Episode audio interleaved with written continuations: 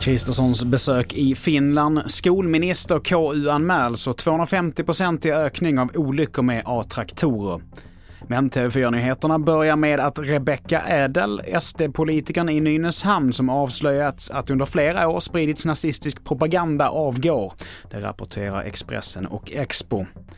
Nu lämnar alltså högstadieläraren både partiet och sina politiska uppdrag och SD själva har inlett en utredning av Ädel, men vill inte kommentera om man kände till hennes tidigare engagemang i högerextrema kretsar.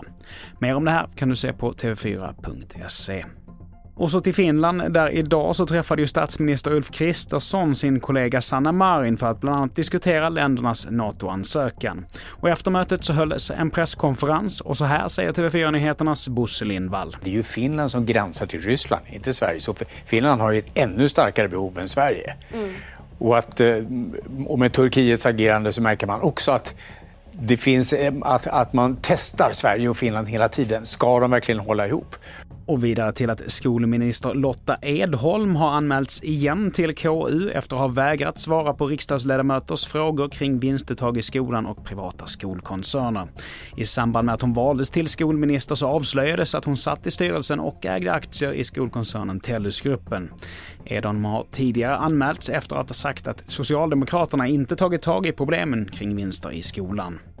Och vi fortsätter med att hittills i år så har antalet olyckor i trafik med A-traktorer ökat med över 250 procent jämfört med 2018. Och antalet personskador har mer än fördubblats, det visar statistik från försäkringsbolaget If. Riksförbundet M Sverige, tidigare Motormännen, tror att en del av problematiken ligger i den lagstiftning som infördes 2020. I dagsläget så är det ju inte bälteskrav för samtliga passagerare i en A-traktor så, så det är ju det absolut viktigaste att få på plats omedelbart.